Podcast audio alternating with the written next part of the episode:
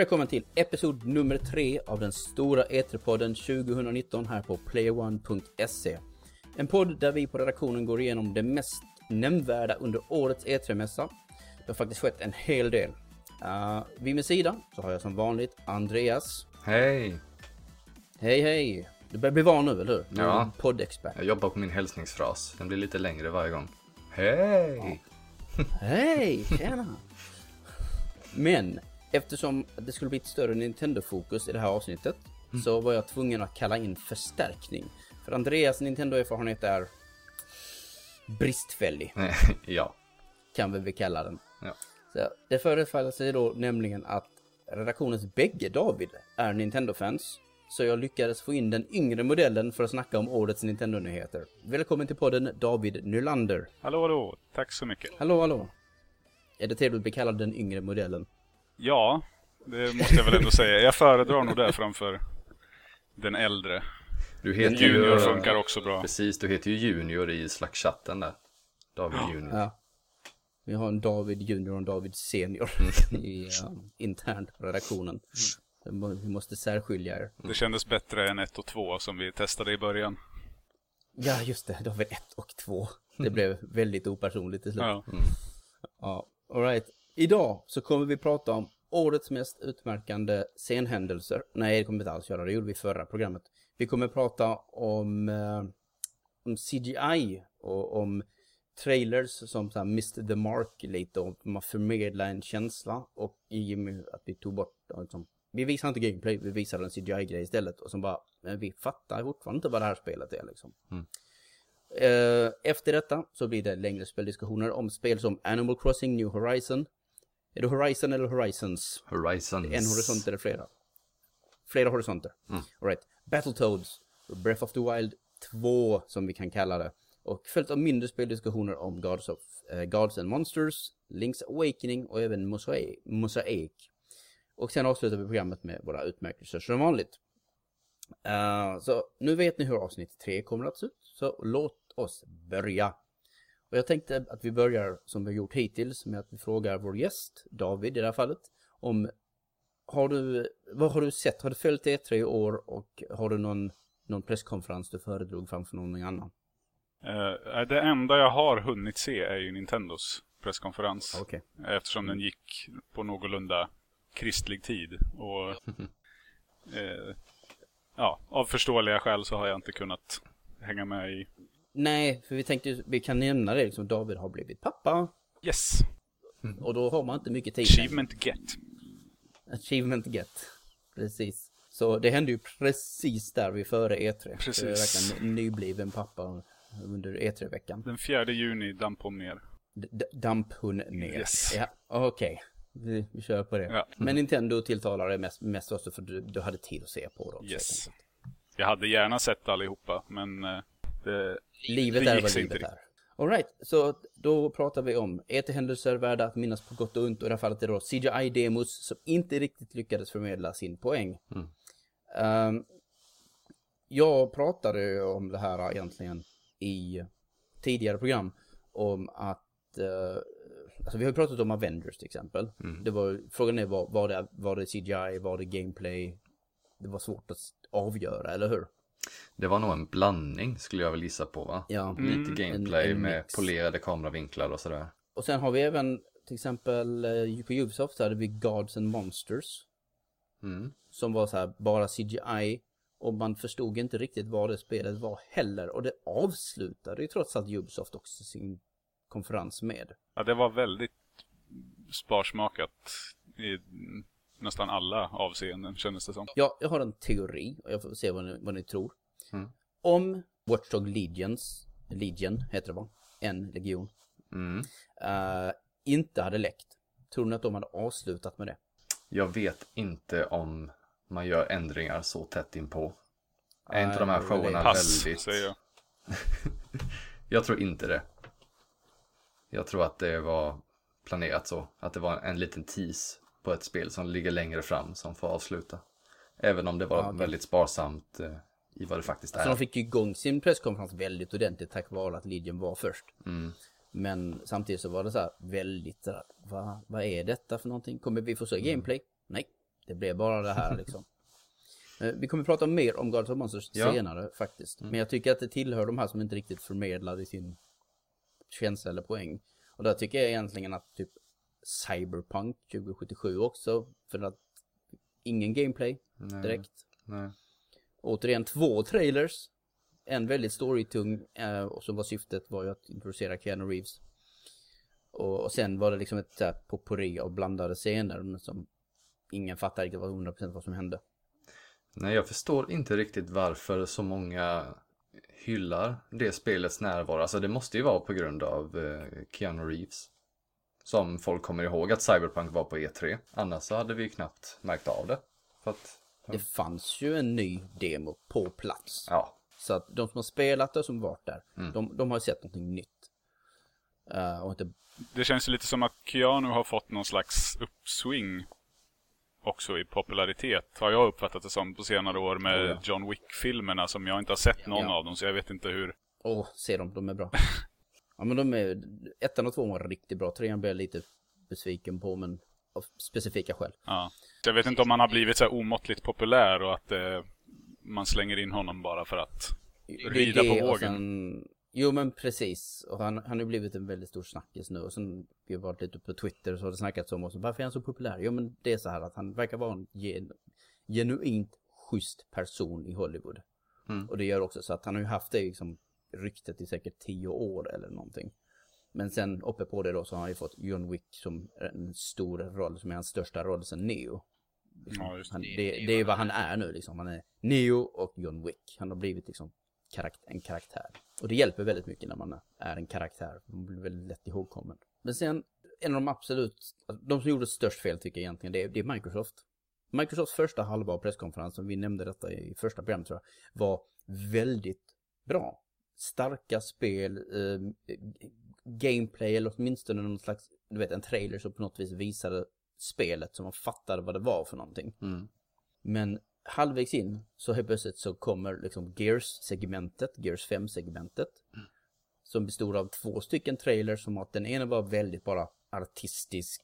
Menar, vad är det någon som spelat Gears som vet vad hon heter? Gears 5? Nej. Nej. Med, med hennes ansikte och att hon vrider sig i plågor och grejer och sånt. Och med Billie Eilish musik i bakgrunden liksom.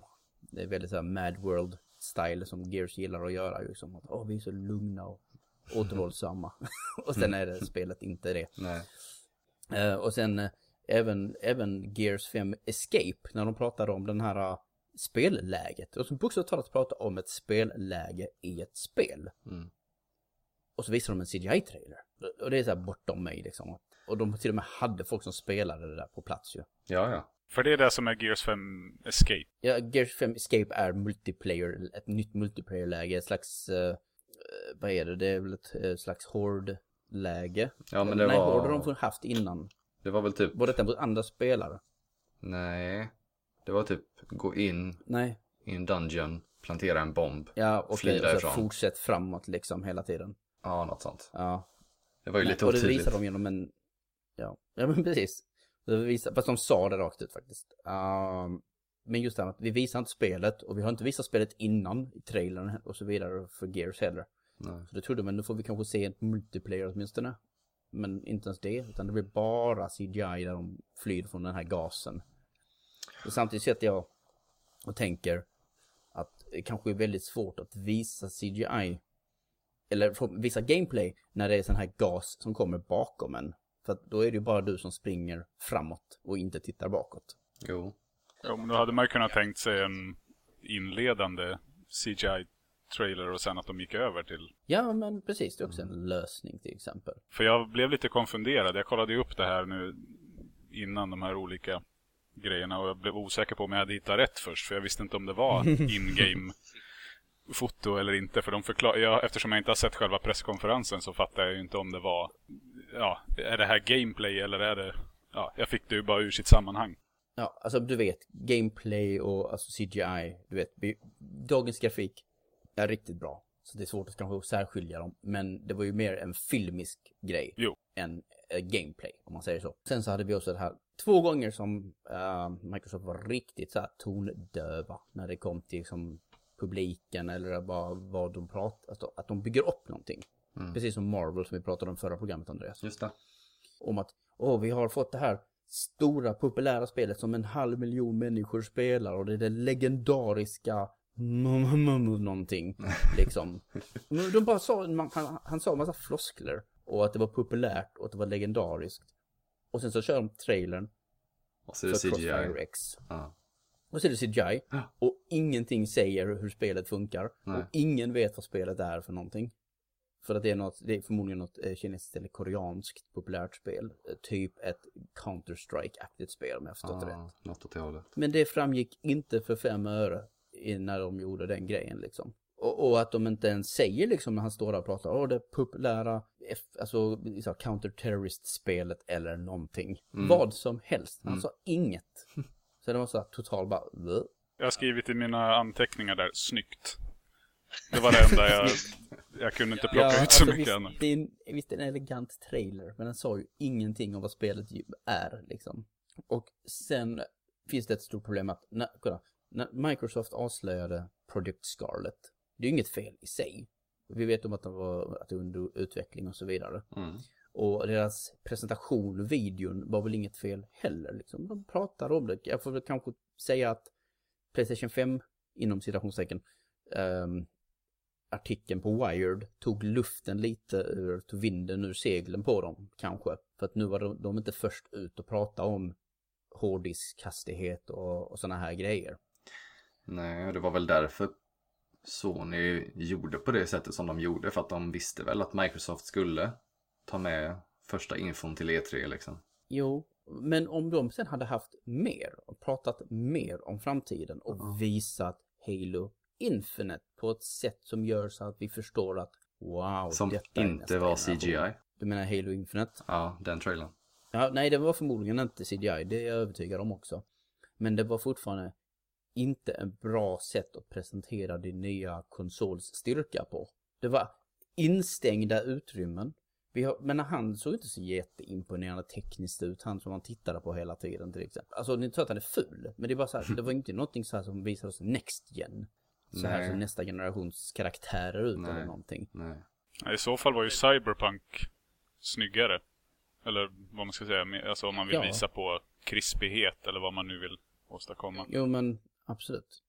Och, och det, är bara, en- det är bara en cinematisk trailer typ.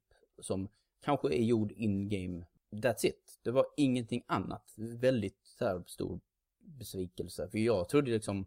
Jag pratade med mina vänner borta på föreningen när vi hade sett denna. Och då kom vi fram till att det hade ju varit mycket coolare om till exempel när han sticker iväg, vet han, när Master Chief vaknat liksom. Och att han typ hade hoppat ut ur skeppet och så hade vi till exempel fått följa med honom genom rymden ner till planeten i real, alltså i real, real time till exempel. Mm. Då hade det varit sjukt imponerande att se till exempel, eller någonting liknande. Men inte, allting var bara instängda enclosed spaces. Liksom, det, ljussättning, jag vet inte om, vad kallas det här, uh, ray tracing och så vidare liksom. Jag, jag, jag tyckte inte att det var ett bra sätt att visa upp, för, synnerhet, alltså, det är inget fel att visa Halo Infinite någon gång under presskonferensen överhuvudtaget. Men att göra det direkt efter Project Scarlet och på något sätt göra som att det här kommer, för Halo Infinite kommer släppas samtidigt som, som den nya konsolen. Mm. Men att släppa det, göra det upp, att binda ihop de två och säga det här är nästa generation och så får man se den här äh, ganska intetsägande trailern som inte visar direkt någon ny teknisk framståendehet. Det bara, uh! Jag blev ganska frustrerad på det. Tror att de hade saker de kunde ha visat upp som såg Vem, liksom... vem, vem vet? Vem vet? Men förra året så visade de också en ganska meningslös men väldigt stämningshöjande grej. Mm. Och då, det, jag blir bara så lite trött när de visar sånt på raken utan att utveckla liksom. Mm. De hade kunnat ta med sån vertical ta, slice. börja pr- presskonferensen med det här istället i så fall. Innan ni börjar prata om Project Scarlet. Mm. E- exempelvis. Det var mitt förslag. Ja, den var lite... Den var lite, den var lite väl sparsam. Jag är ju inte största Halo-fanet i världen så. Mm. Men jag hade ju gärna sett hur det ser ut bara för att få se Next Gen-grafiken. Eh, så Så att, det, det var ju tydligen ifrån, alltså ifrån den plattformen på något sätt. Jo, det är det ju säkert. Så här, så här kommer det typ se ut. Ja. Men de visade ju på ett sätt som vi inte visar detaljrikedom direkt. Som inte visar öppna ytor. Nothing. Ja, jag såg det ju, eftersom jag såg det uppstyckat nu bara per, per trailer så, så, att, så började ju jag med Halo bland annat och kollade igenom många av de olika spelen innan jag såg Project Scarlet. Så att i den ordningen kändes det inte lika konstigt. Mm. Nej, men för det, det handlar ju om presentationen. Mm. Men samtidigt vet jag inte om jag tycker att den trailern är så imponerande i sig själv egentligen heller. Men i sitt sammanhang så var den feltajmad, kände jag. Mm. All right. Då- Vi tar oss vidare. Nu, nu ska vi ha nytta av dig David. vi ska prata om Animal Crossing New Horizons, flera horisonter. Eh, som eh, äntligen, ja, inte avslöjades för vi fick ju veta att det existerade förra hösten samtidigt som Luigi's Mansion 3 faktiskt. Eh, eller någonting där omkring. Men eh, nu, nu visar de upp det lite mer. Vi har fått en uppfattning om vad nästa Animal Crossing är. Är du ett, är du ett fan David? Spelar du Animal Crossing? Jag har faktiskt inte rört något av de tidigare spelen. Eh, och inte för att jag inte har tyckt att det sett intressant ut, utan det har bara inte blivit så. Mm. Men just nu så känner jag mig faktiskt ganska hooked.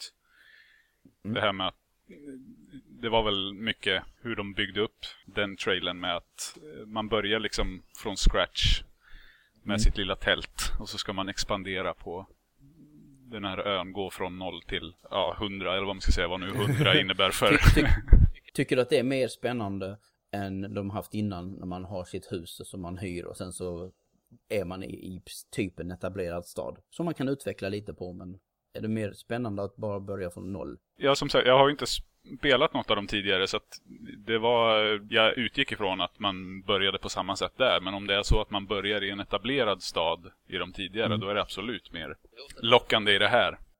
Ja. I New Leaf på 3DS började du som borgmästare Aha. till exempel. Så du har väldigt mycket så här kontroll över vad du kan, vad som ska byggas och sådana här grejer också. Så det var ju mer i New Leaf till exempel.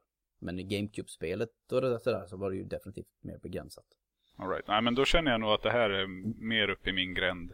Så som det ser ut. Att man får Mm. eh, liksom crafta saker från grunden och... Mm. Det är Utforska. ju helt nytt. Ja, okej. Mm. Det har, det har aldrig funnits tidigare. Du har aldrig kunnat crafta föremål i Animal Crossing tidigare på det sättet så här så som, eh, alltså som ett Stardew Valley eller någonting liksom. Att du samlar grejer och sen så bygger du någonting. Det har, det har aldrig varit, du har köpt Nej, nej, nej. prylar i princip. Mhm. Så det är helt nytt och jag håller med dig, det lockar mig också för jag gillar sådana spel. Mm. Ehm, och så det är nytt. Och sen har de tagit in lite inspiration från eh, Happy Home Designer som släpptes för några år sedan. Som var bara så här interiörspel. Och då fokuserar de ju väldigt mycket på att man, man flyttar ju runt sina möbler i sitt hem. Mm. Och byggde om det. Och då gjorde de ju såklart så att systemet var mycket enklare och snabbare. På att liksom kunna bygga och tweaka. Mm. Innan var det lite klumpigt för man så här, bokstavligt talat gick omkring och puttade omkring möbler fysiskt med sin karaktär och sånt. Så Ja, det tror jag de eliminerade lite med Happy the Home Designer. Och de har också gjort så att man kan nu så här bygga, bygga i halvsegment. Om, man, säger- om vi säger ett grid så tänkte jag att innan kunde du bara flytta en, alltså en ruta per tag. Nu kan du flytta i halvrutor. Ah. Så det finns mera Mhm. möjligheter att kunna utforma sitt hem. Lite som de gjorde i eh, Sims 3. Var det va? Det kanske Från det- Sims 2 till Sims låter ju 3 så inte kunde du- orimligt. Gör det också. Samma sätt. Li, li, lite mer specifika Ja. utformningar.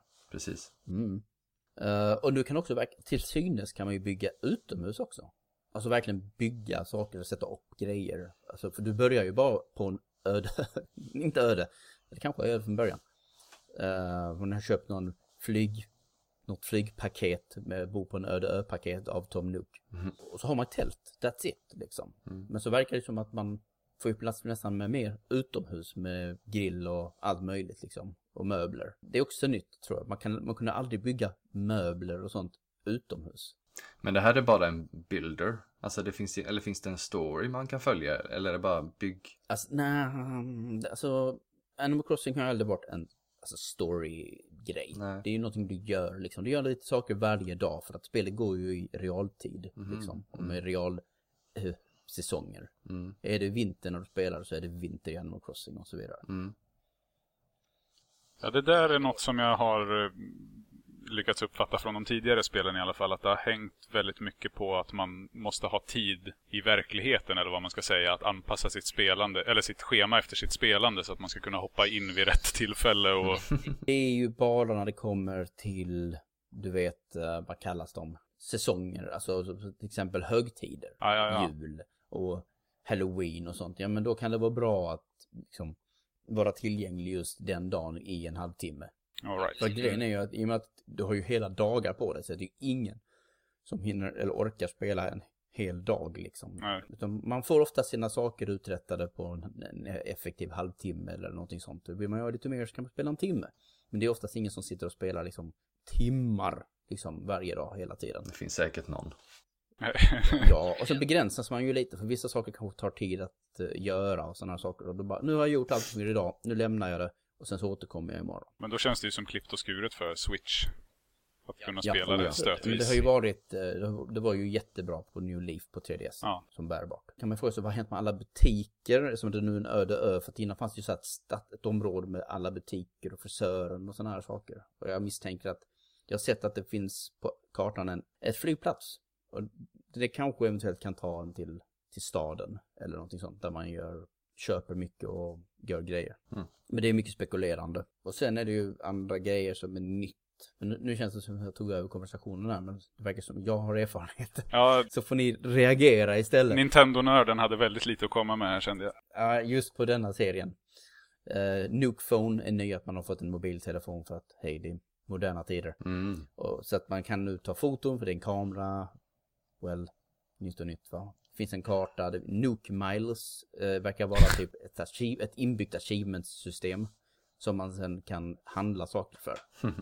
Det är fint. Och crafta var då helt nytt. Ja, för de recepten fanns väl i någon slags telefonapp också? Ja, precis. Och det är väl crafting-delen i telefonen. Sen så undrar jag om det, någonting som är asnice är att man kan autofruit-stacka. Innan så, alltså vad heter det, man lägger saker på hög. Du vet, i, i en ruta till exempel i sitt inventory. Mhm. Och förr så började de alltid så här lägga in sin frukt uppe på varandra och stacka den. Och sen fan, kanske man bara kunde stacka 20 stycken, eller jag minns inte vad det var för någonting den senaste. Och sen så blir det en ny hög. Nu tror jag de har ökat mängden och de har också gjort så att det auto-stackar. Vilket är nice. Det är sådär quality of life element. Ja, men verkligen. Små grejer.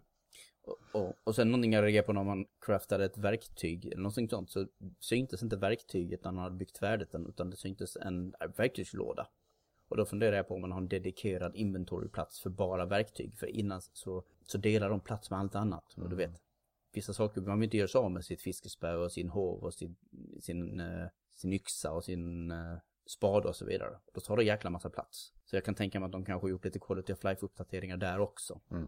Absolut. Och sen verkar väl den stora grejen vara så att man spelar, kan spela med andra. Man kunde spela med andra redan i 3DS-spelet, men med vissa begränsningar. Nu antar jag att begränsningarna är lite mindre, alltså färre. Och att man kan vara upp till åtta stycken som går omkring i samma byar och så vidare. Mm.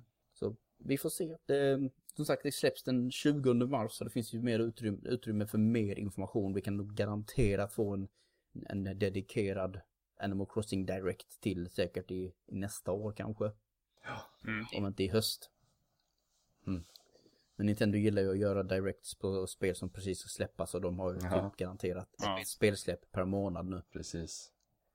Jag känner väl att det här faller lite under samma kategori för mig som eh, Luigi's Mansion gör. Alltså en spelserie som jag inte har erfarenhet av sedan tidigare men som jag nu kan tänka mig att testa.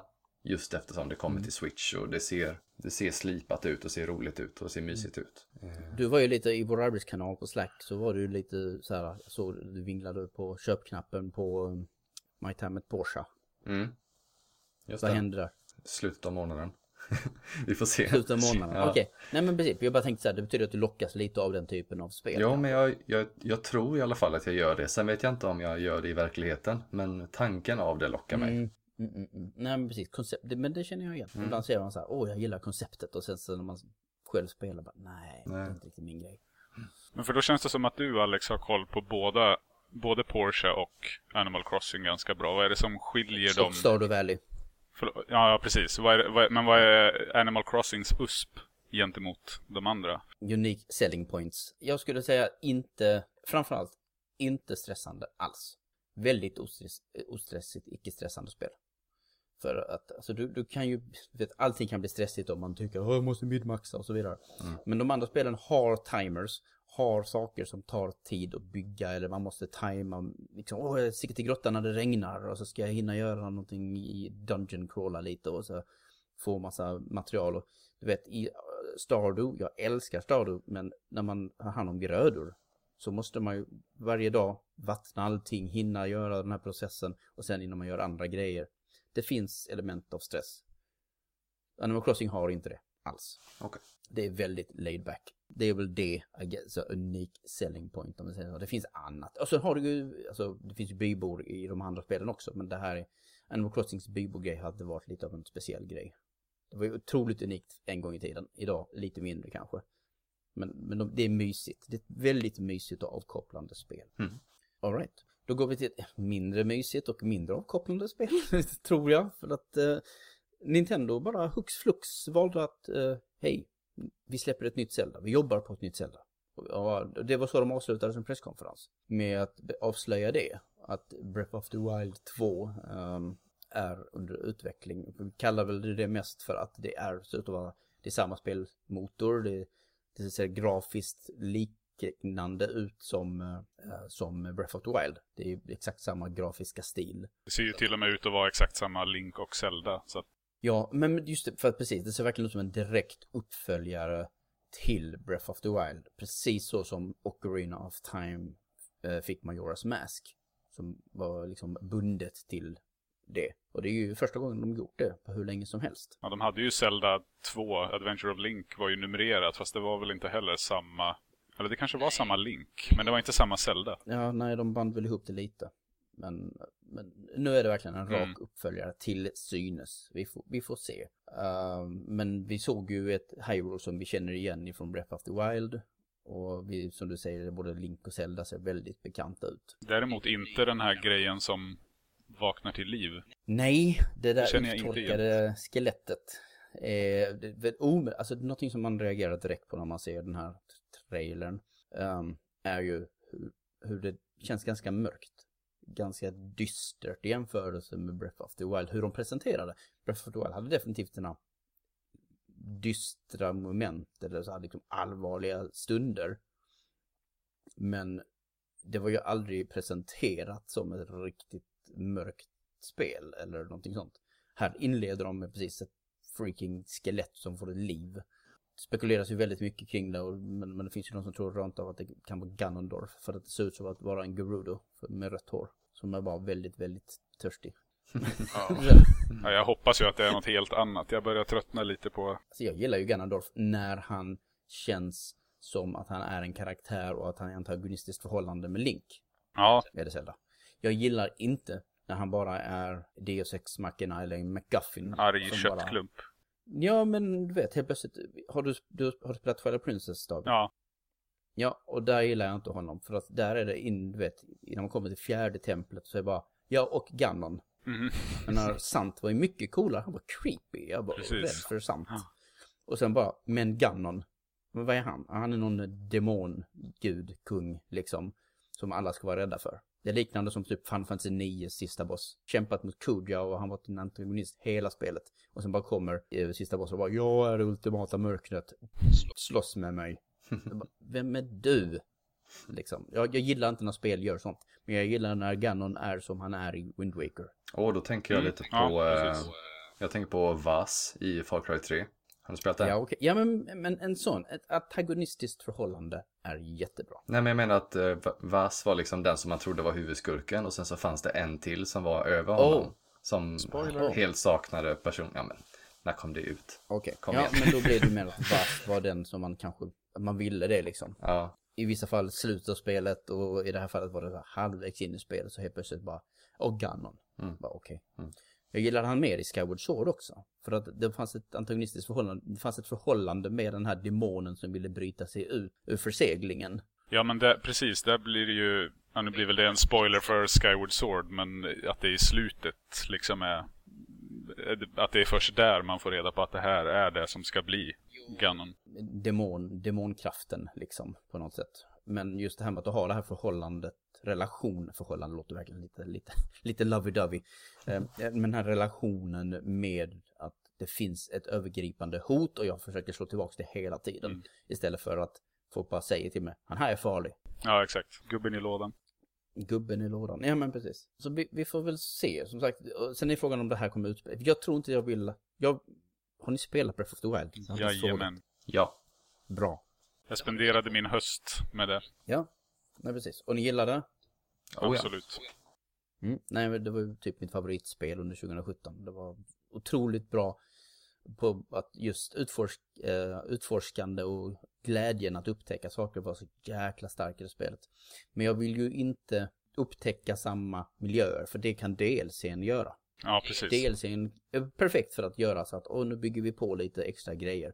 Så att jag undrar lite hur de, ska vi verkligen vara i samma Hyrule eller kommer det här, kommer vi hamna någon annanstans när slottet lyfter? Mm. Vad händer liksom?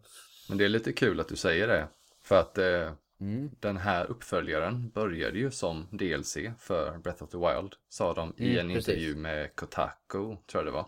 De hade för mycket DLC. Det var för många idéer så att de gjorde ett nytt spel istället. Så att av den anledningen kan det mycket väl vara samma. Ja, det kan ju vara både positivt och negativt om det bara blir ett hopkok av lösryckta idéer.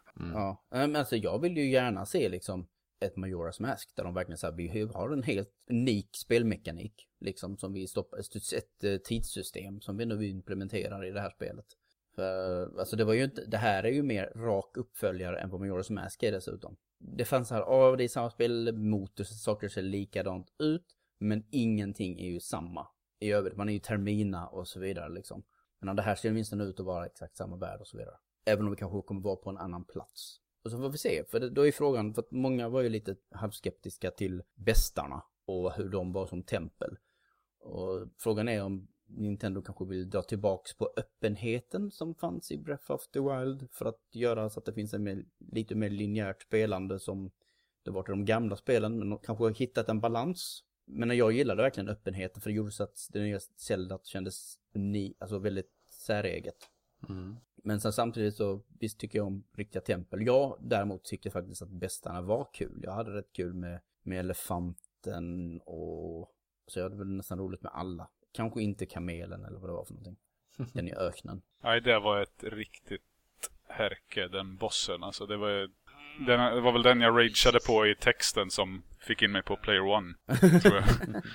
att jag inte fattade hur, att man ska slå sönder skölden. Mm. Mm. Han var nog min näst sista av dem. Så jag, jag hade inte något större. Jag hade problem med min första som var i, eh, i elefanten. Mm. Han hade jag problem med. För att det var första gången jag mötte en sån och då blev man lite så här, okej, vad gör jag? Jag såg, nej jag såg ehm, folk, eh, alltså det här, det här spelet har jag ju mest konsumerat information om via sociala medier. Eh, och folk Mhm. som skriver om det på Twitter och sådär. Eh, och då så såg jag att, då såg jag att det fanns någon, eh, någon önskan om att man skulle få spela som Zelda. Ja, ja. Jo, absolut. Men det, det, den eh, önskan och, har ju funnits ett tag. Jo. Det var ju en seriös diskussion redan under Breath of the Wild. Jo, men då tänkte, då så, eftersom det här är en direkt uppföljare, verkar vara en direkt uppföljare. Så antingen måste ju, måste ju Link liksom bli av med alla grejer och alla så, saker han har samlat Ja, på ja. sig, annars blir man ju övermäktig direkt liksom. Eller så, Grejen är ju dock att han har ju inte samlat på sig så mycket saker i det här spelet. Alltså i Breath of Wild. Han hade ju de här, han har ju sin Chica Slate. jo, Och det räcker med att han blir av med den. Och så helt plötsligt är saker väldigt annorlunda. mm, Och Chica-slaten skulle jag också säga är ett, en kvarleva ifrån att eh, Breath of Wild ursprungligen kom på Wii U. mm. Just det, för den ser lite ut som den kontrollen. Exakt, den är ju liksom, en, den, de, han hade en, har sin padda Ja. liksom. Och Wii U hade en padda.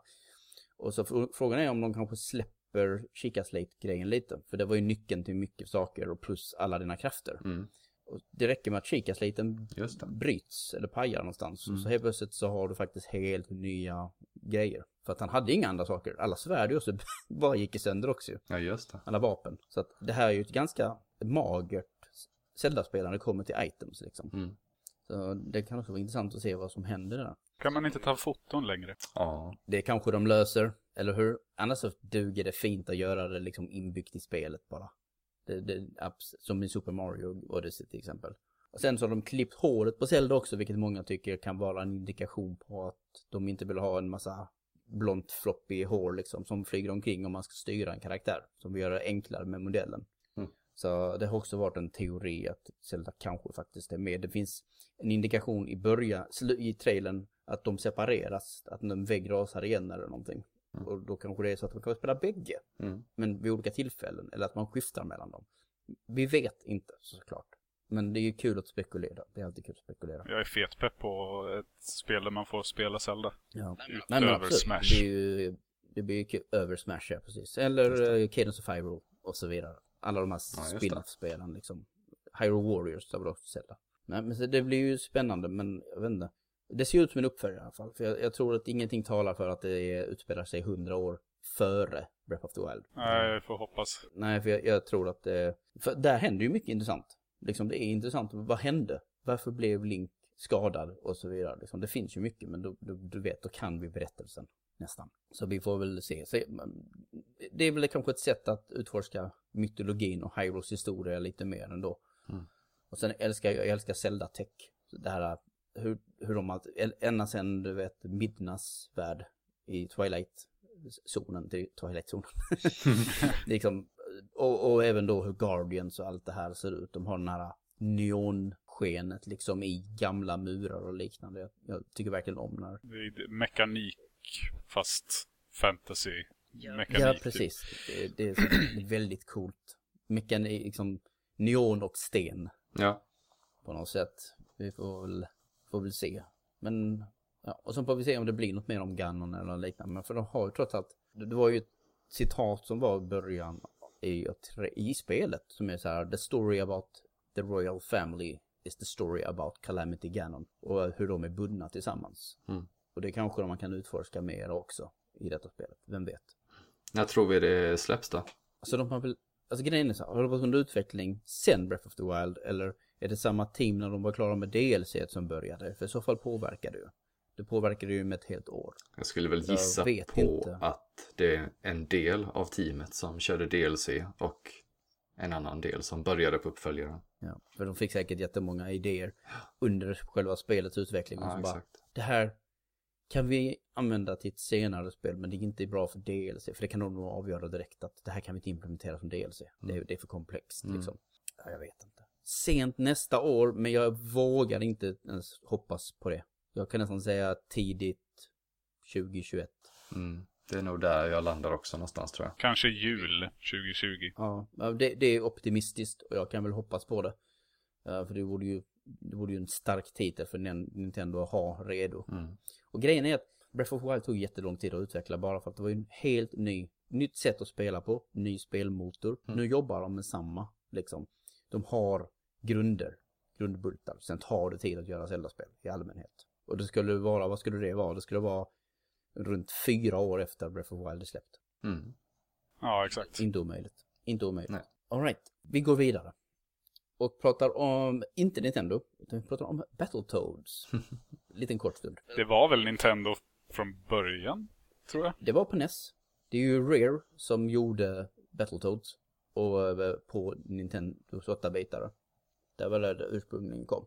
Sen så kom det på Super Nintendo, Battlemaniacs, det finns ett arkadspel och sen har du även eh, eh, Battletoads, eh, en Double, Double Dragon. Det kom på en Ja. så jäkla mixspel där, det var inte bra. Eh, och sen dess har vi inte hört från dem. De finns något Gameboy-spel också tror jag. F- förra året så fick vi en hint om att det skulle komma. Eh, året innan dess så tror jag till och med att Phil Spencer stod med en Battletoads t-shirt på scen. Eh, men nu visar de det för första gången och precis som Precis som trailern indike- eh, teasern indikerade förra året så är det tecknat. Det ser väldigt så här, vad heter det spelet? Eh, Castle Crashers ut. Mhm. Lite Alien Hominids style. Det ser väldigt, väldigt, väldigt tecknat cartoony ut. Jag tänkte Cartoon Network när jag såg det. Det var lite så här Dexters Lab, Powerpuff, Just det. Pinglorna. Jo men precis. M- mer det än Nickelodeon kanske. Äh, Det, det är inte riktigt min barndom, de, just de. Så, så, Det gick på femman också så jag vet inte riktigt vilket nätverk det hör till. ja. de är tillbaks, Rash, Sits och Pimple, de tre paddorna liksom. Och det, det är en brawler, precis som de gamla spelen var, eller typ. De gamla spelen var den raka brawlers, det fanns plattformselement och det fanns, eh, ja, den fruktade speederbiken, eller speed tunnel som var fullständigt absurt svår. Det var ju med något liknande nu. Ja, men nu får man ju se den i ett helt annat perspektiv. Nu är det som att köra ett racingspel. Vilket man gör som att man ser vad som kommer emot den och inte blir varnad en halv sekund före liksom. När man kör i, från vänster till höger liksom. Just det. Så att, ja men det är en massa, det, är så här, det ser väldigt väl animerat. Jag jag vet inte, vad tycker ni om stilen? Låt oss säga stilen först. Det, är det är, jag gillar stilen, men man, just in-game så känns det mest rörigt. Ja, det ser väldigt rörigt ut. Jag tycker nästan att, att um, hitboxes känns lite off ibland. Och sådana här grejer. Att när smällar kommer så känns det inte som att det, att det smackar till på rätt Nej. sätt och, vi, och så vidare. De känns lite platta. De är ju platta i grund och botten nästan. Mm. Nu har vi ju inte sett mer av det här spelet. Mer än det här. Och vi har sett att det finns en speedtunnel och vi har sett att det finns ett brawler-segment. Och då är frågan för mig, finns det plattformsegment? För att spelet, originalspelet hade element då man spelade liksom verkligen bara på platt yta liksom och sprang vänster till höger och inte så här, vet, upp och ner på en sån diagonal Mm. yta. Mm. Vad tror ni själva liksom? Det, har ni spelat, någon som har spelat Battletoads? Min enda relation till det är ju från Angry Video Game Nerd, när han gjorde en video om det för länge sedan. Så jag har inte spelat det själv. Det, det ser ju mest ut som en rip-off på Turtles. De valde en annan sorts kräldjur. Jo, Elgitarr, solbriller och lite cool attityd. Mm. Ja, Nej, men det, det är ju mer den stil. Det är bara det just nu än så länge. Men det fanns de här plattformselement där man så här klättrar på rörliga urmar och allt möjligt sånt. Och det undrar jag liksom, ska de stoppa in det också? Funkar det med tre spelare? För det är ganska mycket. Ja, det är en svårighet. Ja. Att vara tre stycken och köra plattform. Ja, fast inte, bara om du kör Mario, New Super Mario Style. Kör du Rayman så är man ju inte fysiskt i vägen för varandra. Till Nej, exempel. ja, just det. Men det här är till Xbox. Det här är Xbox One, för det är ju, det är ju Rare och Rare som Microsoft. Men det här är inte Rare som gör spelet dock, utan det är en annan studio som gör spelet. Mhm. För Rare vill göra annat, eller vara upptagna med sitt piratande. Just det. Så vi, vi får väl se helt enkelt vad det blir av av det. Som sagt, Det ser ut som en ganska trogen uppföljare. Det ser ut som de gjorde, valde att göra ett relativt enkelt spe, spel. Eh, lite mera komiskt. Att vara ganska mycket så här, skämt och grejer liksom Mm. lite hit and miss tycker jag. Men jag gillar bossen på eh, Porkshank. Eh, han ju, gav dem typ så här, innan de började slåss så gav han dem ett erbjudande att joina honom. Mm. Som jag tycker var lite som kul. Så här, Vi erbjuder eh, eh, rättvisa löner, tandförsäkring och mamma och pappa, mamma och pappa ledigt. och så tackar de nej, idioterna. Och, eh, och så bankar de skiten ur honom. Ja. Nej, men det verkar, verkar småkul. Ja, vi får väl se. Lite Cuphead-esk Ja, grafik också. exakt. Just för den här extrema. För att någonting som alltid funnits i, i Battletoads innan var ju när man slog så blev handen jättestor. Eller när de sparkade så blev det en stövel. Mm. Och sådana här grejer liksom. Så det finns och Cuphead hade ju det här 20-tals tecknade där ingenting var omöjligt. Med att man kunde transformera kroppsdelar och allt möjligt. Mm. Vi, vi får se, men jag håller med. Det ser lite rörigt ut. Mm. För när jag såg det på trailern först, var det bara, "Ugh, vad händer? Liksom, hur mycket, det är väldigt svårt att hålla koll på vad man står framför och bakom och så vidare. Men det är kul att det kommer, det är bara så här, ball. Fick vi ett datum på det? Eh, det nej, vi fick ingenting tror jag inte. Inte under presskonferensen i alla fall. Det kan ha Det känns senare. som att det är ett spel som borde komma i år. Och det, det är ett. Game Pass-spel, straight up. Ja. Liksom. Jag tror det. Sista längre diskussionen idag kommer att handla om Trials of Mana. Som, eh, som avslöjades på Nintendos Direct, lite överraskande. Jag kan väl säga att jag har väl varit, väntat mig att Collection, alltså den här Secret of Mana-samlingen, som hade Trials of Mana, alltså Seiken Densetsu 3 och 2, Mm. i så att den skulle kanske till slut dyka upp för att det kändes som att det var alldeles för populärt för att de bara skulle skita i det. Och de har relativt kört sina kort rätt med Switch. Skulle nästan säga att de gjorde avslöjandet i fel ordning. Att de borde ha avslöjat collectionen först så folk glada. Ja, Och sen chocka en med Yes. att de kommer med Trials of Mana Remake. Jag bara what? Ja. Vad är detta? mm. Ni har inte rört det här spelet på 24 år och så helt plötsligt gör ni en remake av det. Ja, Jag blev lite osäker på när jag, jag var tvungen att kolla om ett par gånger för att fatta att det faktiskt var en samlingsutgåva och att Trials of Mana hörde till. Nej, jag, jag trodde ju först att det var nu avslöjas samlingsutgåvan. Mm. Och sen insåg jag att det här är inte samlingsutgåvan, det här är någonting annat. Vad är detta? Och den här ser ut att vara en väldigt eh, ambitiös remake. Även i jämförelse med eh, Secret of Mana fick ju också en remake för två år sedan eller någonting sånt. Mm. Och den var ju, men den ser ju lite mer ut som att det var gjort i stilen av Secret of Mana. Liksom samma perspektiv men i 3D-grafik. Det här ser ju ut att vara behind the back och allting är ju ändrat liksom. Förutom spelet i sig själv verkar vara väldigt troget om jag förstått det rätt. Ja, det här är ju inte en spelserie som jag har följt överhuvudtaget. Nej, jag, jag har spelat Secret of Mana. Jag var aldrig ett stort fan av det personligen. För jag hade spelat Chrono Trigger och Final Fantasy 6 innan dess. Så att för mig var storyn liksom blä Ah, jämförelse. Eh, Det var ju ett väldigt omtyckt och populärt action-RPG för sin tid. Väldigt fint och vackert att titta på. Men Seiken Densetsu 3, det fick vi ju aldrig. Det kom aldrig, av någon anledning.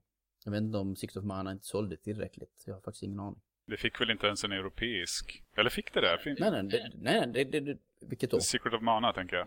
Jo, jo, det, Det finns, finns det i finns i Europa, Europa. okej. Det Mm. finns i Europa, absolut. Annars hade jag inte kunnat spela det. Jag tror jag har hyggt det Ah. till och med. Men jag kände folk som hade det. Så det här, det här blir en av de där sista, inte sista, men en av de här sista my, mycket om, eh, omtyckta och efterlängtade Square Enix-spelen som folk vill skulle ha kommit ut igen liksom. Mm. Få tillgång till. Till jag, tror, jag tror dock inte att vi har fått Chrono Cross ännu. Jag tror inte Chrono Cross har lämnat Playstation. I alla fall inte i, jag tror inte att Europa har fått det i alla fall. Är det någon som har spelat Chrono Trigger eller Chrono, Chrono Cross? Trigger, ja. För det har ju kommit på lite olika ställen. Men Chrono Cross kom ju på Playstation, sent Playstation 1. Och har inte riktigt dykt upp någon annanstans. Inte i väst i alla fall tror jag. Jag tror inte det finns, det finns inte på samlingar eller någonting. Är det någon slags eh, uppföljare till... Ja, ja, det är en uppföljare till Chrono Trigger. All right. Ja, det har gått mig helt förbi.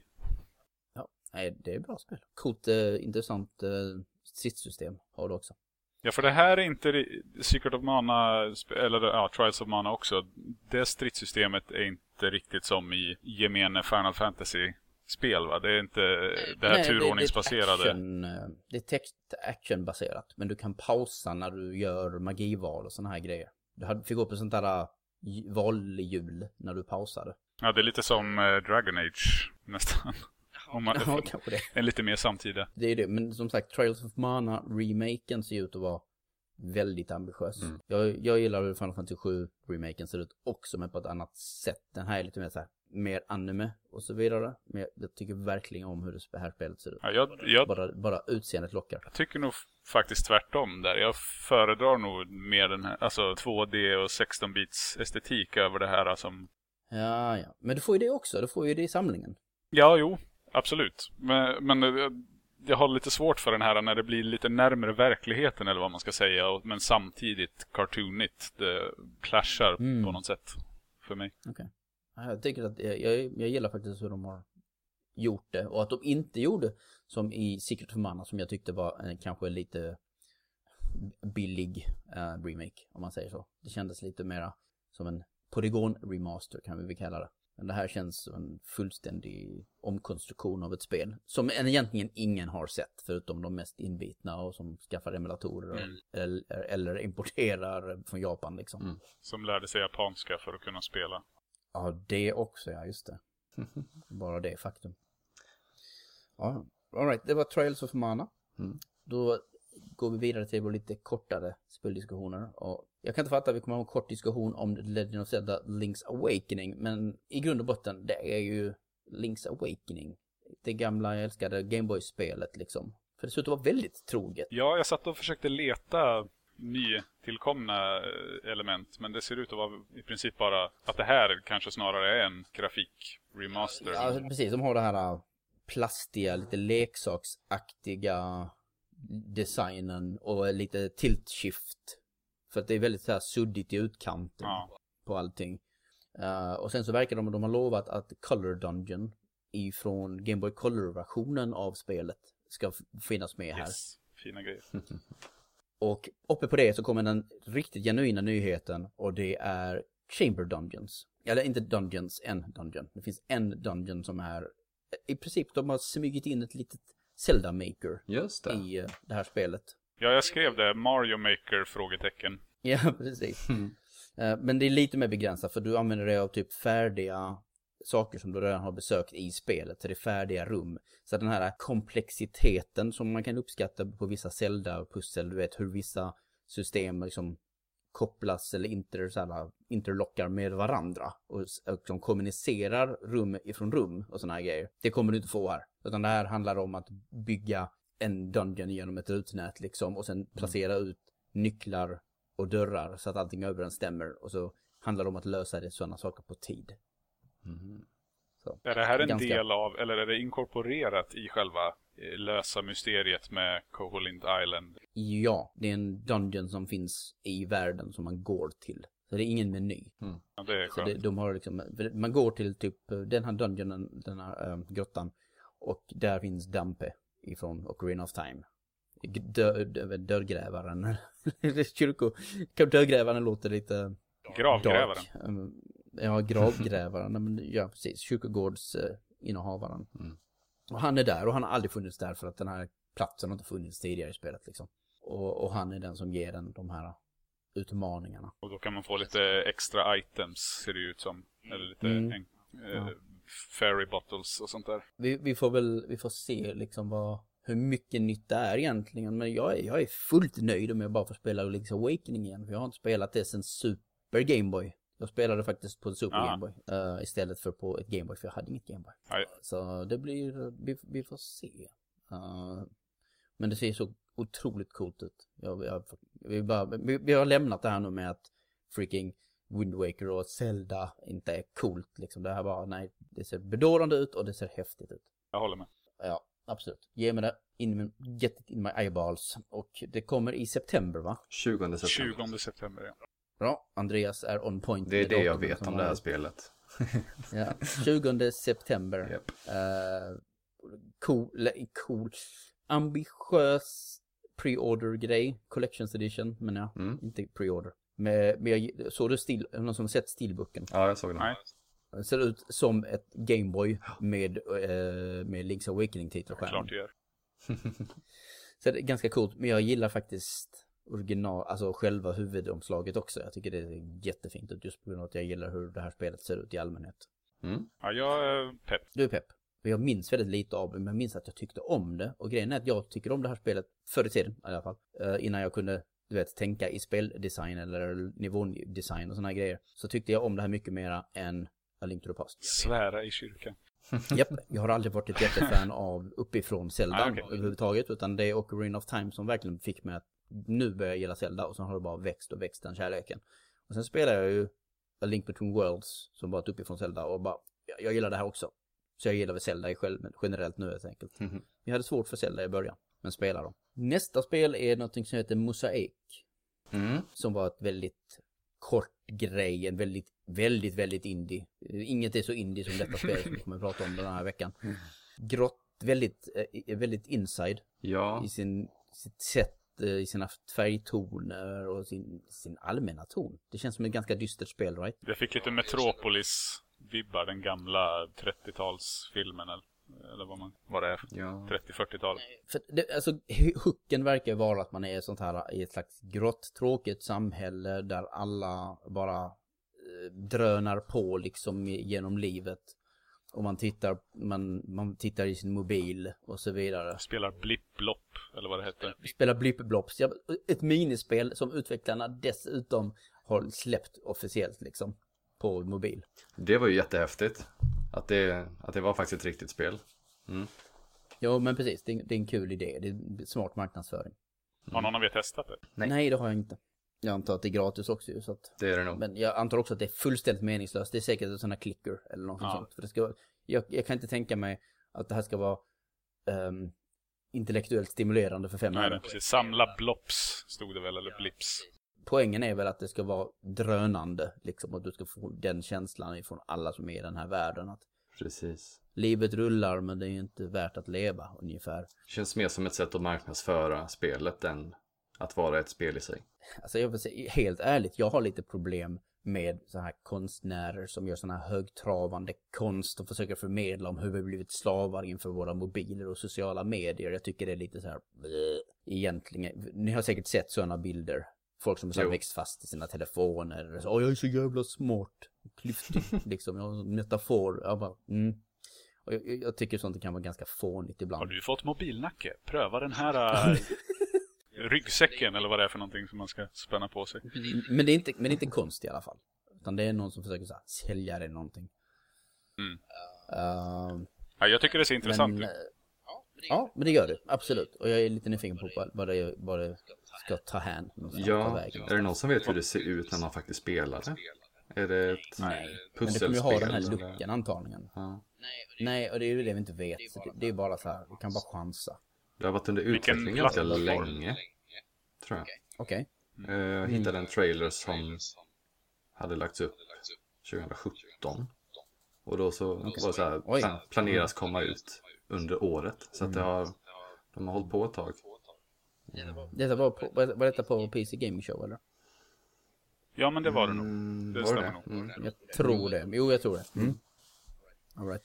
Um, någonting annat som vi såg på um, Nintendos Direct var Contra Rogue Corps. Core, menar jag. Eh, och det, alltså, det tar jag bara upp egentligen för att, va, vad var detta? Liksom, det måste vara showens fulaste jävla. Jajamän. Det kändes lite tematiskt som Gears 5 fast mycket larvigare och jätteful. Ja, jo precis. Väldigt så här over the top, extremt. Och, och hej, det var egentligen alltså hardcore också på Mega Drive. Väldigt Mm. så här 90-tal, sjukt och crazy. Men du vet, så fort de öppnar munnen så blir det ju dumt. Ja. Jag tror inte de gjorde det, det här. Men dessutom så var det bara en shooter uppifrån. En twin stick shooter eller någonting. Eller kanske inte twin stick shooter. Men att plattformselementen ser ut att vara väck. Mm. Allting de visade var bara uppifrån spelande, vilket du vet man gjorde i Super Pro Detector. Jag har varit, hoppats att Konami sen snälla ta tillbaks Contra. Men det kan ju inte se ut så här. och jag tror inte att det är spelets fel i sig heller riktigt. Jag bara tycker att trailern verkar vara otroligt grå, brun och det är spelets fel. Och eh, suddig nästan. Jag tyckte inte det var, det var ingen skärpa Nej. I bilden. Det kändes väldigt gammalt. Ja, men blodet ser ut som plast när det kommer flygande. Det är inte, inget organiskt alls. Inget organiskt alls, nej. All right. Vi släpper det, vi kastar det på sophögen just nu och så får vi se vad spelet faktiskt blir i slutändan. Men det var inte en imponerande upplysning. Kommer ut i september. 25 september. Mm. Kommer drunkna i Link's Awakening. Ja, det kommer inte ha en chans. Sen har vi också Astral Chain som vi eh, blev introducerade av för förra året också tror jag. Mm. Som är eh, Platinum Games nya actionspel som de gör istället för Bayonetta 3. jag vet vad, vad, vad hände Bayonetta 3? Det var inte ens, det var no show liksom. Vad är det som händer? Är det bara väldigt, väldigt ambitiöst för det här laget? Jag vet inte. Men, vad, vad, vad är era tankar om Astral Chain då? Som släpps nu i augusti va? Jag tycker det ser eh, väldigt intressant ut. Det släpps 30 augusti, så att det, är, det är sommarspel. Mm. Mm. Jag vet inte riktigt jättemycket om det, men jag tycker stilen är härlig. Det är väldigt snyggt. Mm. Väldigt anime. Ja, det här med att du kan kasta ut din eh, Legion som är någon slags, eh, jag vet inte vad man ska kalla det, assistent som slåss med dig. avatar. Assistent, din sån Polisassistent. demonassistent Ja, eller någonting. Ja, precis. Och så kan du liksom styra den med högerspaken samtidigt som du gör grejer själv. Eller så kan den göra saker på egen hand och så. Det verkade häftigt. Ja, Mm. när vi såg första trailern så minns jag liksom att jag sa, åh jag gillar världen, jag gillar um, staden och allt sånt här. Det ska tydligen finnas jättemycket katter i den här världen också. Jo, Har de sagt. då är jag Och bara en ju... random grej. Ja, Så bara det gör ju så att den ökar på Andreas-metaren. ja, ja. bara shreep. Yes. Men, men spelet är bara så, jag vet inte. Action, tredjepersons action, snabbt. Jag, är jag har inte riktigt, eh, jag har inte riktigt eh, fått, fångats av det här spelets hook. Platinum gör kompetenta actionspel, i synnerhet när de gör saker som de har haft tid att göra. Mm. Men jag, jag vet inte, jag ser inte riktigt hooken med den här, den här avataren som man har. Ja, Jag lockades mer av, eh, det var några delar i gameplay-visningen när de, det var lite mer polisigt utrednings, Mm. eh, ja, eller leta ledtrådar och eh, sånt. Det var lite mer den delen som lockade mig i så fall snarare än striderna. Du vill ha Astral Noir istället? Ja men typ. Ja, fast det får gärna vara lite putslustigt också och lite glättigt. Men... Ja, ja. Nej, men eh, exakt. Den, själva striderna såg ut som vilka som helst egentligen, tyckte jag. Ja men vi, vi släpper Astral Chain där. Har Mm. inte mycket mer att tillägga. Uh, vi pratade lite tidigare om Gods and Monsters. Men då var det mer om hur det presenterades och uh, att det lite misslyckades att förmedla vad det var. Men det har ju kommit ut information om vad det faktiskt är. Så fort man såg det så var det så här färggrant, precis som Breath of the Wild. Exakt. Samma typ av så här färgpalett. Mm. Och det verkar ju tydligen vara väldigt inspirerat av Breath of the Wild i slutändan. Mm. Det som gör att jag är sugen på det här är att det är samma team som låg bakom Assassin's Creed Odyssey som jag spelar som en galning just nu. Jag tror jag hade en Mm. åtta timmars session igår. Jag bara satt och nötte. Åh just det, okej. Alltså åttan som kom i höstas. Ja, den kom i höstas. Åt, åttan, varför säger jag åttan? Jag Odyssey inte. jag. Varför kallar jag Odyssey åttan? För att jag spelade i åtta det är timmar inte ens det åttonde, det är inte ens det åttonde Assassin-spelet. Ja, det som kom i höst. Precis. Ja, Ja, precis. Vilket som är superbra. Älskar det. Mm. Så att bara där är jag ju såld. så har lite mer karaktäristisk design till exempel. Och det gör väldigt mycket för personligheten i spel. Mm. Bara allmänt, du vet, karaktärsdesign. Mm. Jag vet inte exakt vad deras inspiration ifrån Breath of the Wild är 100% för de verkar vara väldigt fokus på att de vill göra den här open, den här open air-spelet. Att de vill att framkomlighet ska vara en grej. Mm. och utforskande. Och sen då i en mytologisk värld, grekisk mytologi. Så de fortsätter Mm. hänga i Grekland. Det är lite komiskt. Kanske det de kände att de fick inte jobba med den mytologin tillräckligt mycket i Assassin's Creed. För de måste liksom så här förankra det i verkligheten någorlunda. Ja, fast de har gått ifrån det där rätt bra. Det finns liksom minotaurer och sphinx och så att det... Jag vet inte vem man, vem som, vem man spelade där i, alltså i, in, alltså i, i trailern. Det bara ut lite som en Icarus Ja, nästan. precis. Ja. Jag vet Är det en kvinna? Jag är lite osäker om det var. Jag tyckte det såg ut som en kvinna, men det... Ja, eller hur? Så lite mer kvinnliga protagonister. Ja, ge en personlighet så kanske... Det är, det är ju tråkigt om det bara är, alltså, säga vad man vill om Link, men en, en kvinnlig motsvarighet. Han har haft många år på att utveckla en personlighet genom att bara vara tyst. Ja, Genom sina äventyr så vet vi mycket om Link utan att han säger ett pip. Ja. Eh, Men jag kan inte säga samma sak om en helt tyst person i i första spel liksom. Nej, Nej, det är ett Ubisoft-spel, hon lär prata. det lär nog bli bra ja. Ja, men det, och det kommer snart, eller hur? Mm, 25 februari nästa år. Oj, oj, väldigt tidigt till men det är inte ens precis där vid, vid bokföringsårets slut, utan lite innan dess. Ja, och då är det konstigt att, och då är det konstigt att de visade så lite. ja, precis. Det borde ju komma något Och ganska Ska, snart. har ni inte ett färdigt spel liksom? För de sköt ju fram nu sitt uh, Skull, and Crossbow, Skull and Bones. Mm. Nu kommer detta här från ingenstans. just det. Skull and Bones. Skull and Bones ligger väl i mars nu va? Mars eller april?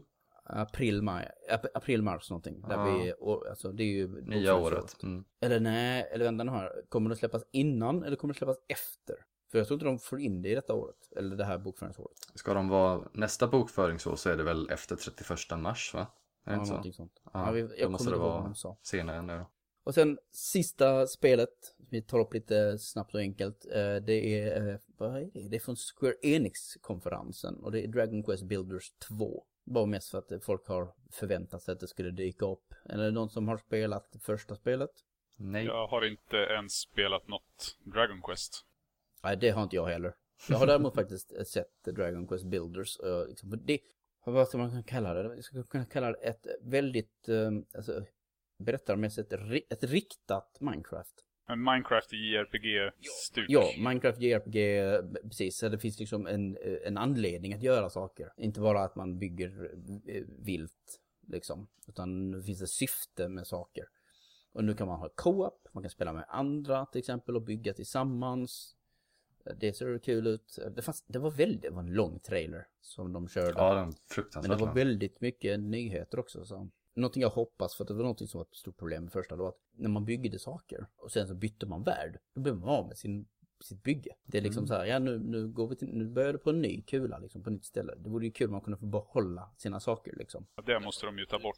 Ja, precis. Utveckla på samma grejer. Jag, jag hoppas att, eh, jag hoppas fan att jag kan vara lockad att spela det eventuellt. Men jag får se. Det är så mycket som kommer nu och det här ligger inte på min måste ha-lista just nu. Men det kommer väldigt snart.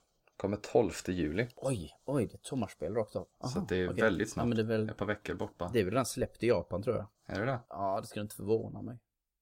Quest-spel tenderar att släppas före liksom i Japan. Vilka plattformar kommer det här till? Alla gissar, kommer det på Xbox One, jag är inte riktigt säker. Nej, Men oklart. Switch och Playstation 4 kan vi nog garantera. Det känns som ett väldigt bra Switch-spel. Mm. Som allt annat. För alltid ha som allt annat. Ja, men jag tror att jag skulle gilla det här faktiskt. Eh, Jag älskar ju Minecraft och att få en anledning till att bygga saker. Det är ju... Få, ja precis, är bara, är bara att vänta på ett, ett skäl. Det är precis både med detta och med Animal Crossing. Mm. liksom, ge mig en anledning att, att jobba. Exakt. Mm. Då har vi nått fram till slutet och det är dags att eh, dela ut lite utmärkelser till de här spelen vi har pratat om idag. Så vi börjar med David och du kan väl berätta vad du tycker, vilket spel du tycker är det spelmekaniskt mest intressanta eller spännande spelet som vi har talat om idag. Liksom vilket spel har intressant mekanik eller system som du skulle vilja utforska. Oj, den är svår. Det är inte så mycket nya grejer. Det är, inget, det är inte så mycket innovativt så. Mm, ja, jag kan hålla med dig. Och för, alltså det hade ju varit, jag skulle ju vilja säga mo, eh, Mosaic. Men det är ju, Mm, mm. man vet ju ingenting. Nej, precis. Det, ska nu, alltså det är ju sjukt konstigt att säga Breath of the Wild Ja. 2. Men det är samtidigt så här, samtidigt, jag, jag säger så här, jag hoppas att det finns nya spelmekanik. Alltså nya verkligen Ja. koncept som gör så att spelet känns genuint annorlunda ifrån Breath of the Wild. Jag vill inte ha det en gång till liksom. Mm. Även om jag vill ha element ifrån Breath of the Wild. Jag tycker om fräschheten som finns i det spelet. Nej, men jag kanske säger Animal Crossing då. Eftersom jag inte har spelat något av dem tidigare så blir ju det nytt för mig. Ja. Om du inte har spelat den typen av spel heller som Stardew eller liknande. Mm. Alltså, Nej, exakt. eh, Harvest Moon och sådär. Då kommer det definitivt kännas väldigt annorlunda och fräscht och Mm. för dig. Då kör vi på det. Andreas?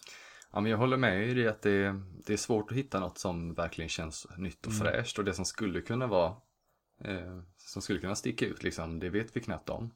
Typ som med, med Zelda liksom, vi vet inte ifall det innehåller någon ny cool grej. Men baserat på vad vi vet så är jag intresserad av Astral Chain och hur man, hur man styr sin Legion. För det tyckte jag såg intressant ut, så det skulle jag vilja utforska lite. Då kan du också svara direkt på vilken värld som du helst vill utforska eller besöka av de vi har tittat på idag. Mm.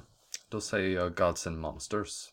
För att om det är någonting Mm. åt Assassin's Creed Odyssey-hållet, fast med den grafiken, så är jag, så är jag såld liksom. Ja, nej, jag tror också att jag sticker dit. Ja, jag tycker det ser mysigt och grönt och lummigt och nice liksom. Det, Mm. Dessutom så känns det som att man spelar, som vi sagt, färgpaletten ifrån, eh, ifrån Breath of Wild, men med lite mer umf bakom liksom. Mm. Som att det trots allt är en lite starkare maskin och så vidare. Lite arga lila Och fåglar. Ubisoft. Just det, arga lila fåglar. Det, det är lite jobbigt, men det är en sån här, ingen turistmagnet kanske, men. Vilket spel var det visuellt mest tilltalande då? Undrar om det inte också är Gods and Monsters. Mm. Jag, jag tror att Mosaik Ja, var ganska ö, slående också. Fast jag gillar verkligen Link's Awakenings nya look också. Mm. Ja, Jag håller med David, jag säger Gods and Monsters också. Även fast vi inte fick se så mycket. Om det vi fick se är liksom en representation av spelet, så säger jag det. Okej. Ja men vi får ju hoppas. Ja.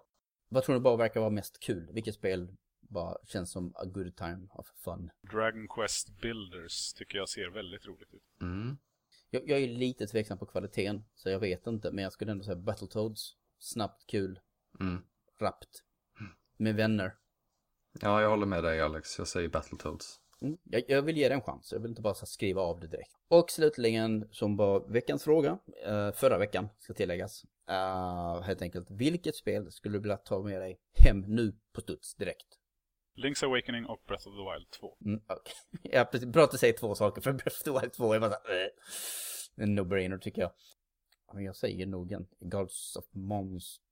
Nej, Mosaik. Bara så här kort, enkelt spel antagligen. Bara äta upp lite under sommaren. Ja, alltså vi får ju, nu när man eh, börjar komma in några avsnitt här så har man ju några spel hemma. Jag har ju Star Wars hemma nu sen första avsnittet där och sen Outer World så att egentligen borde jag ju ta något mindre, lite lättare. Men jag är inte så smart så jag tar hem Gods and Monsters. Ubisoft det också.